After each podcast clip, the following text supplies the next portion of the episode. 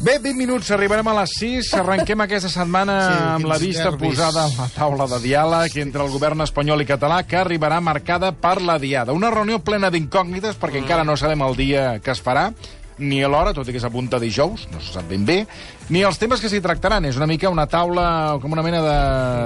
no sé, de, de, de taula d'espiritisme.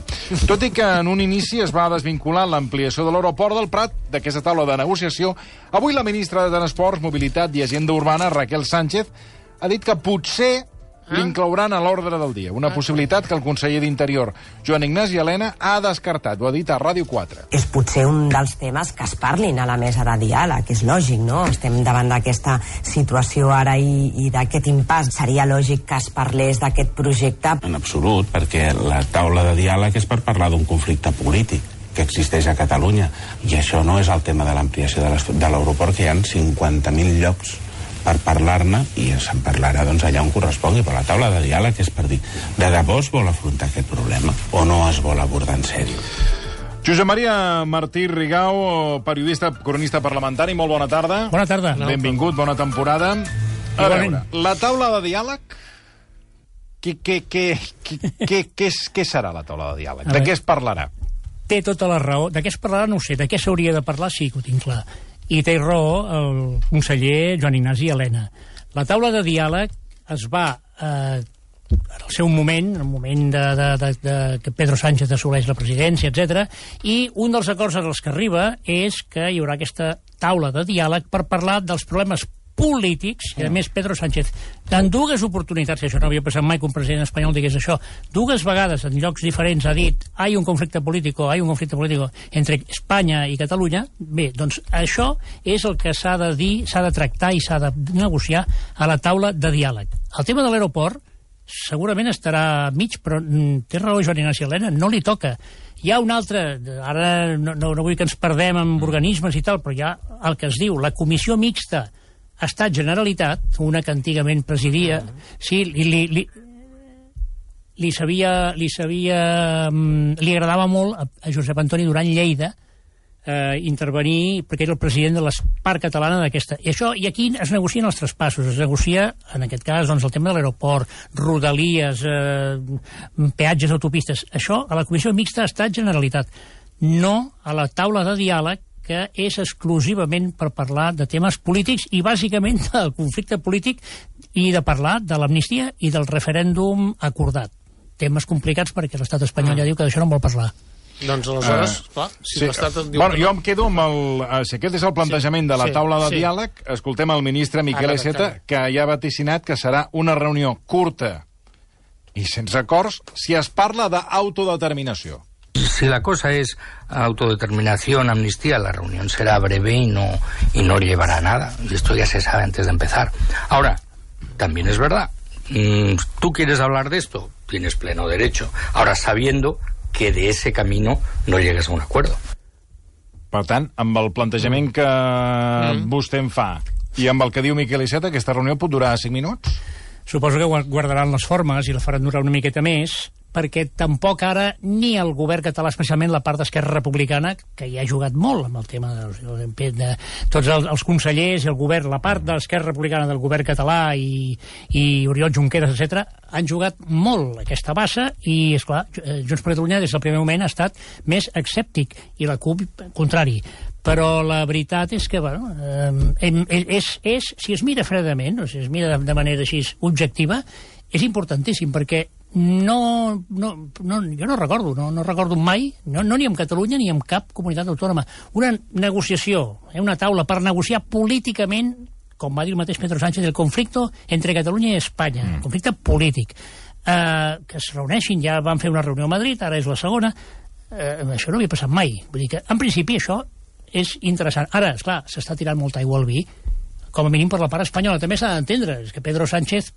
A veure, el tema del, de l'aeroport, a Pedro Sánchez ja li, en el fons, eh, si em permet ser una mica dolent, eh, o mal fiat, doncs ja li va bé, perquè si es parla de la... O sigui, a ell li encantaria, eh, a Pedro Sánchez i el govern espanyol els encantaria que a l'acabar la reunió, que sortiran mm. Esquerra i Junts per Catalunya a dir eh, el tema de l'amnistia d'això, eh, i, el, i, de, i, de, i el referèndum acordat s'ha parlat, no s'ha no pogut parlar perquè ens han bloquejat Això ja se sap que passarà aquí per aquesta part.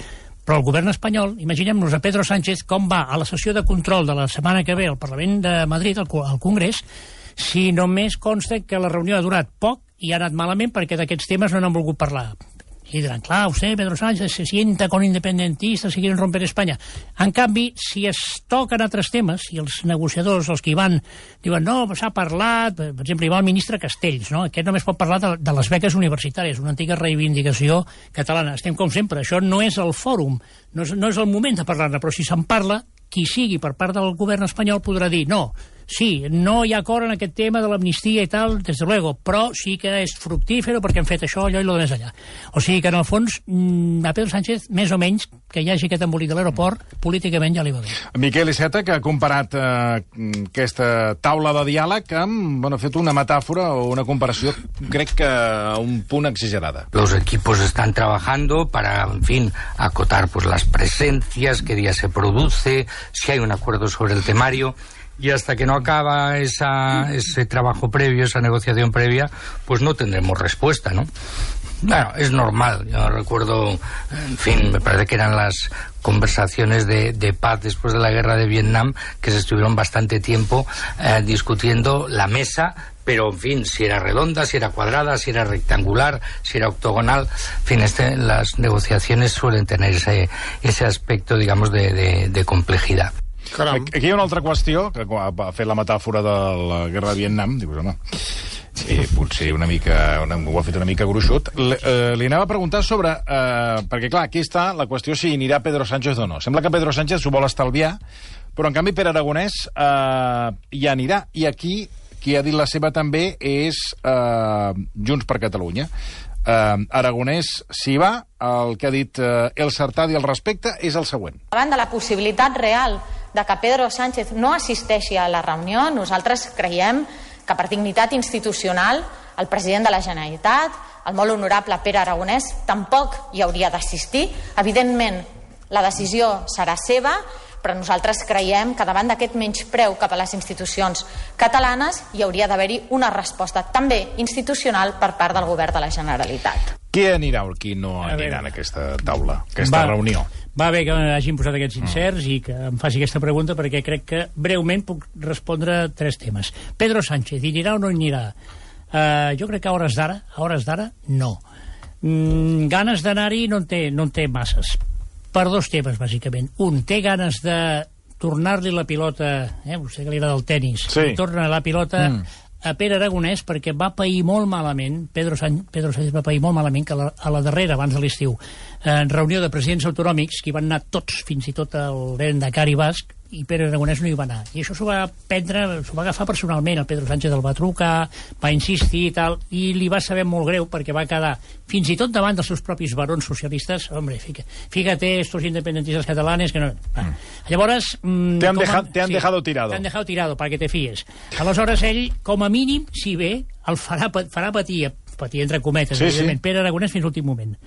I segon motiu pel qual eh, a hores d'ara no, vin, no vindrà. Ara, d'aquí el dijous o divendres, quan es faci la reunió, potser pot canviar.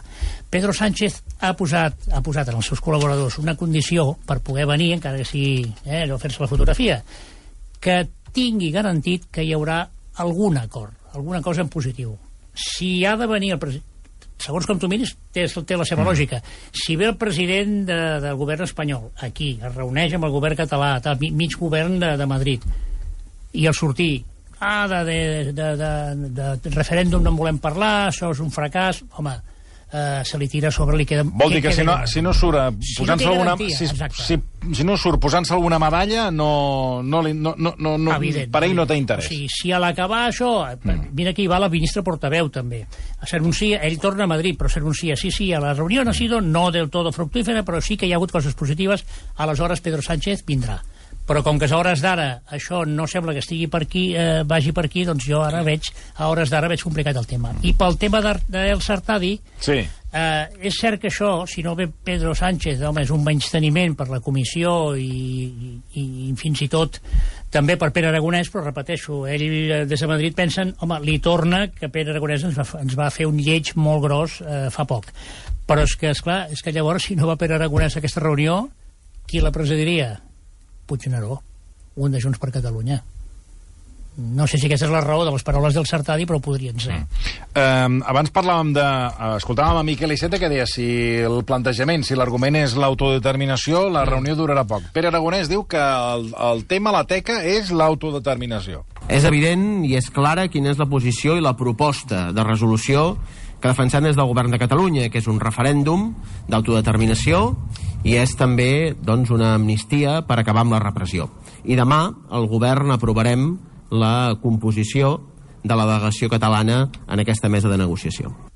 Bueno, de moment, pel que fa a la mesa catalana, no tenim noms. La, a la part eh, del govern espanyol en tenim uns quants que ens han anat eh, repetint aquesta setmana, però a tot això, Josep Maria Martí, tenim ja en l'horitzó després de la diada, és a dir, després d'aquesta diada de confrontació entre diferents eh, punts de vista pel que fa a la independència, eh, el 2023 s'ha de fer la moció de censura um, per part de la CUP, que la CUP cada dia es va desenganxant més del govern actual i dona la sensació que veurem si... Jo, mm, tot apunta que veurem si li dona, li dona suport. No sé això, sí. eh, Pere Aragonès, quina estratègia mm, pot tirar endavant o mm, farà per mantenir el govern fins al final de la legislatura?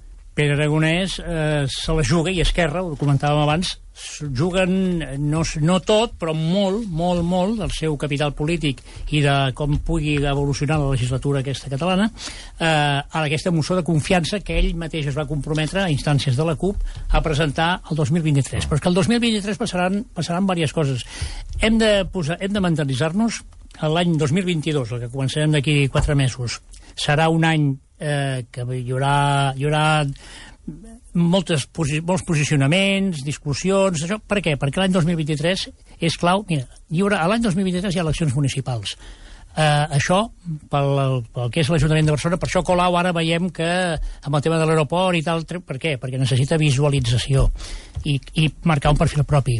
Però, per una altra banda, Esquerra i Junts en les municipals es, es disputen el mateix target, el mateix tipus de, de, de votant, en principi. Per tant, eh, és molt difícil arribar um, sense masses trencadisses eh, al govern aquest integrat per Junts per Catalunya i per Esquerra Republicana a l'any 2023, quan hi haurà aquesta moció de confiança d'Esquerra de, de, de Pere Aragonès, eh, a les portes o al, al costat mateix d'unes eleccions municipals on segur que moltes enteses mm, serà difícil que hi hagi, que hi haurà moltes disputes, i a més a més eh, atenció, perquè també s'acaba la legislatura espanyola, el 2023, i hi haurà les municipals al mes de maig. O sigui, l'any 2023 eh, preparem-nos perquè hi haurà, hi haurà embolic de veritat. I el 2022 jo crec que tothom intentarà passar com pugui, eh, la, la, la, mm. la corda, arribar, però mm, ja, es, ja es visualitza. Yolanda Díaz, Yolanda Díaz eh, ja comença a visualitzar molt el seu perfil propi.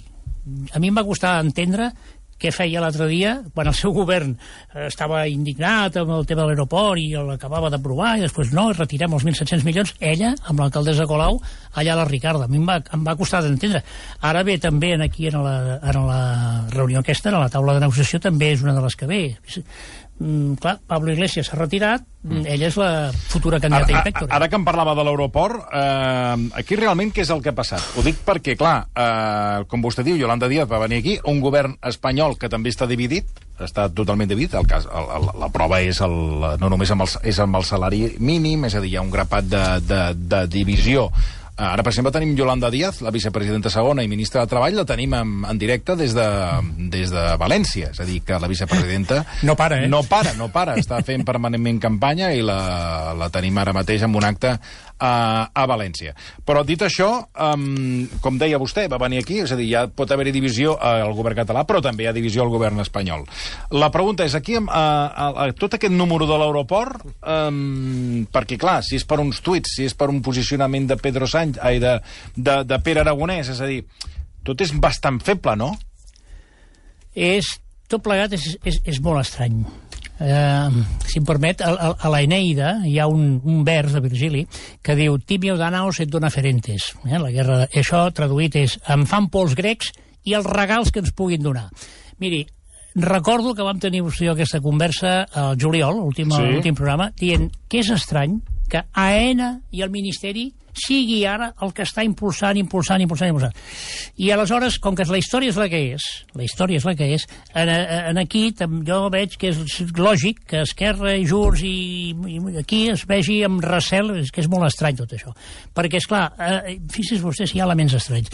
Això arriba a un pacte entre una, vamos, el vicepresident del govern, però que pertany no a Esquerra, sinó a Junts per Catalunya, que arriba a un acord a Madrid el 2 d'agost que no es firma, no hi ha... Pacte verbal. Pacte verbal, Bueno, però després hi ha notes de premsa, o sigui que cada... Mm. Sí, però vaja, no és el document oficial signat bueno, amb el segell. És un pacte verbal. Sí, un pacte verbal. Un, un pot creure en la paraula d'un, ara en política millor que sigui, no, siguis el document. I la prova la tens que sí, sí, amb, el, amb el tovalló de Leo Messi, que es va signar un tovalló. Exacte. Però passa això. Aleshores, eh, un dels acords que hi ha, perquè comença que si els, la Ricardo, el Remolà, el no sé què, que aquí, si em permet el parèntesi, el tema de la... Soc, jo sóc animalista, m'encanten els animals i tal, però, a veure, no fa pas tant, fa uns 10 o 12 anys, es va desviar el Delta del Llobregat, desviar per ampliar el port de Barcelona. I allà la desviació va ser que la Ricarda pràcticament la van fer nova i van fer una cosa positiva, que és que els amfibis que hi ha per allà i els pollets d'ànecs i això, els van agafar i els van portar d'una bassa a l'altra i allà estan. Eh, no ho sé, no ho sé tècnicament, jo, pobre de mi, no tinc idea de temes mediambientals, però penso, home, si es va fer, amb la, es va desviar tot el riu Llobregat, eh? o sigui, tot el delta Llobregat, passava per una banda i ara passa per una altra. Si es va fer això l'any 2009, sembla que va ser, eh, home, potser es podria tornar a fer. Si, si el tema són 500 metres d'allargament de pista, perquè quan es va ampliar la pista i es va fer la tercera pista ja havia de ser més llarga. I en els planos i la maqueta del, del nou aeroport ja hi havia la, la, la terminal satèl·lit, el 2009. Jo recordo que la vaig cobrir una visita de José Luis Rodríguez Zapatero, que li, va, li ensenyaven, este, la pista ve per aquí, presidente, i esta la terminal satèl·lite que s'empezarà enseguida. Home, eh, això va ser el 2009, miri, estem al 21, han passat 12 anys i encara hi som parlant, no? Aleshores, esclar, eh, així i tot es diu, no, la, la, la, la deadline, no, al final, el, el que és innegociable és preservar l'espai aquest de la Ricarda, que, que bé, si s'ha d'ampliar 500 metres, potser 300 per la Ricarda i 200 cap a l'altra banda del Remolà ja faríem els 500, no ho sé. Però ja suposo que ja tècnicament hi ha, hi ha, hi ha maneres perquè, és clar, una inversió de 1.700... Si és que realment l'Estat està disposat a fer aquesta inversió de 1.700 milions d'euros, que, segons es diu, suposen 84.000 llocs de treball directes i dos punts en, a, a, en, en el PIB català. O sigui, renunciar a això tampoc és molt és estrany, tampoc és habitual, que els consellers o dirigents d'Esquerra, o sigui, del, del govern de Catalunya, eh, un cop eh, se saben les xifres i tot això, diguin que aniran a una manifestació en contra de l'ampliació de l'aeroport o sigui, tot plegat, el, la, el que comentàvem abans, la, la visita de Yolanda Díaz, no? o sigui, és tot tan complicat i hi ha tantes malfiances per una banda i per l'altra que, que, que jo no entenc. I la primera i principal malfiança és que AENA, que és qui va convertir l'aeroport del Prat en un aeroport low cost, qui es van portar a Ibèria a Madrid i, i qui no concedeix eh, o, o ha dificultat històricament que companyies intercontinentals s'instal·lin a Catalunya Bueno, tot havia passat per Madrid. Un exemple va passar a Spanair quan eh, va entrar amb, amb problemes gra gravíssims econòmics. Es va intentar que...